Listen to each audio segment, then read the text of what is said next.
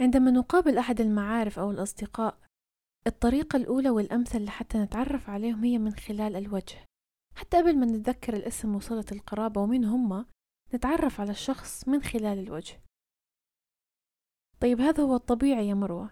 لكن تخيل إنك شفت والدتك والدك أختك أخوك زوجتك صديقك شخص تعرفه حق المعرفة ولم تتعرف على وجهه. لكن بمجرد أن سمعت صوته أو لمحت سلوك أو تصرف أو حتى شامة بتميزه عرفته على الفور. أهلا معكم مروة وإليكم محادثة الأسبوعية. بروسوباغنوزا وهو الاسم العلمي الذي أطلقه طبيب الأمراض العصبية جوتيم بودامير والمستمد من اللغة اليونانية الكلاسيكية. وبروسوبون تعني الوجه وأغنوزا تعني العمى أو عدم المعرفة. face blindness أو عمى الوجوه عمى التعرف على الوجوه يعني أنه لا يمكنك التعرف على وجوه الناس. غالبا ما يصيب عمى الوجه الأشخاص منذ الولادة وعادة ما يكون مشكلة يعاني منها الشخص في معظم حياته أو طوال حياته لأنه ما بيقدر يتعرف على أسرته وأقاربه وأصدقائه وأحيانا حتى نفسه. أصحاب الحالة ممكن أنهم يتأقلموا مع الوضع ويتعرفوا على الغير باستراتيجيات معينة مثل حفظ الطريقة التي يمشون بها أو تسريحة الشعر الصوت اللبس وحتى علامات ممكن تميزهم. لكن هذه الأنواع من الاستراتيجيات لا تعمل دائما. على سبيل المثال عندما يلتقي شخص بيعاني من عمى التعرف على الوجوه بشخص ما في مكان غير مألوف. أسباب عمى الوجه تختلف حسب نوع عمى الوجه في عندنا العمى الوجه التنموي وعمى الوجه المكتسب. التنموي هو اضطراب خلقي يولد فيه الفرد مع عدم القدرة على تطوير مهارات التعرف على الوجوه على الرغم من عدم إعاقة الرؤية والذاكرة مع عدم وجود آفات دماغية واضحة. العديد من الدراسات كشفت أن هؤلاء الأفراد ممكن يكون لديهم اختلافات تشريحية في مناطق الدماغ المرتبطة بمعالجة التعرف البصري على الكلمات والوجوه أو تحديد الفئات. وقد يكون لعمل وجه التطوري أو التنموي أساس وراثي لأنه يسري عادة في العائلات ويمكن أن يكون موجودا في العديد من أفراد الأسرة. مع ذلك فإن الجينات الدقيقة التي تتحكم في التعرف على الوجه لم يتم تحديدها بعد. والجدير بالذكر أن التوائم المتماثلة المتطابقة لديهم مهارات مماثلة في التعرف على الوجوه.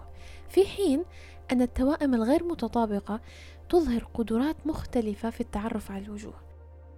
ومن المثير للاهتمام أن العمى التنموي يظهر بشكل متكرر لدى الأفراد المصابين باضطراب طيف التوحد على الرغم من أن هالحالات مستقلة عن بعضها البعض.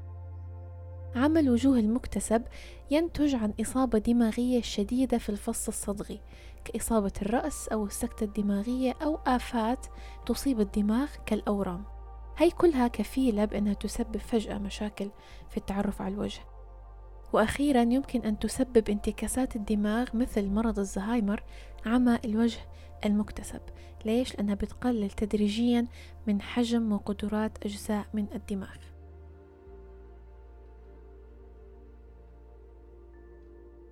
المصابين بهالحالة قد يكون من المستحيل تقريبا متابعتهم لحبكة فيلم أو برنامج تلفزيوني لأنهم يكافحون للتعرف على الشخصيات سواء كانوا يشاهدون من أجل الترفيه الخاص بهم أو كوسيلة لقضاء الوقت الممتع مع الآخرين. وأيضا قد يشعر الشخص المصاب كذلك بعمل وجوه بالقلق من أنه يبدو قد يبدو وقحا أو غير مهتم عندما يفشل في التعرف على الشخص. إصابتهم بهذه الحالة تؤثر على العديد من جوانب الحياة بالإضافة إلى صعوبة في تحديد تعبيرات الوجه للمشاعر مثل الغضب أو المفاجأة أو الفرح أو الدهشة. أيضا من الصعب عليهم إنشاء وتكوين صداقات جديدة وهذا يؤدي إلى الصراعات الاجتماعية والشعور بالعزلة أو الوحدة أو الاكتئاب. كما أنهم يفقدون القدرة غالبا على التعرف على الأشياء أو الأماكن التي زاروها من قبل. لذلك يمكن أن يكون التنقل صراعا أو صعبا عليهم أيضا.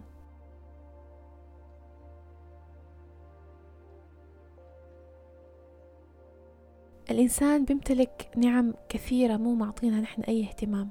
حوالينا وفينا أشياء كثيرة مو منتبهين لها لأنها فينا وحوالينا وعايشين معها.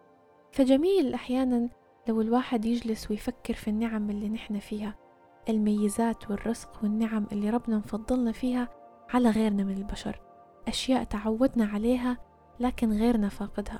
حلو الواحد يتأملها.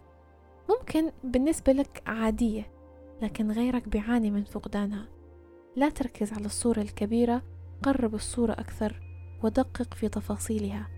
أدق التفاصيل اللي موجودة بحياتك فقدانك لها قد يغير مجرى حياتك كلها.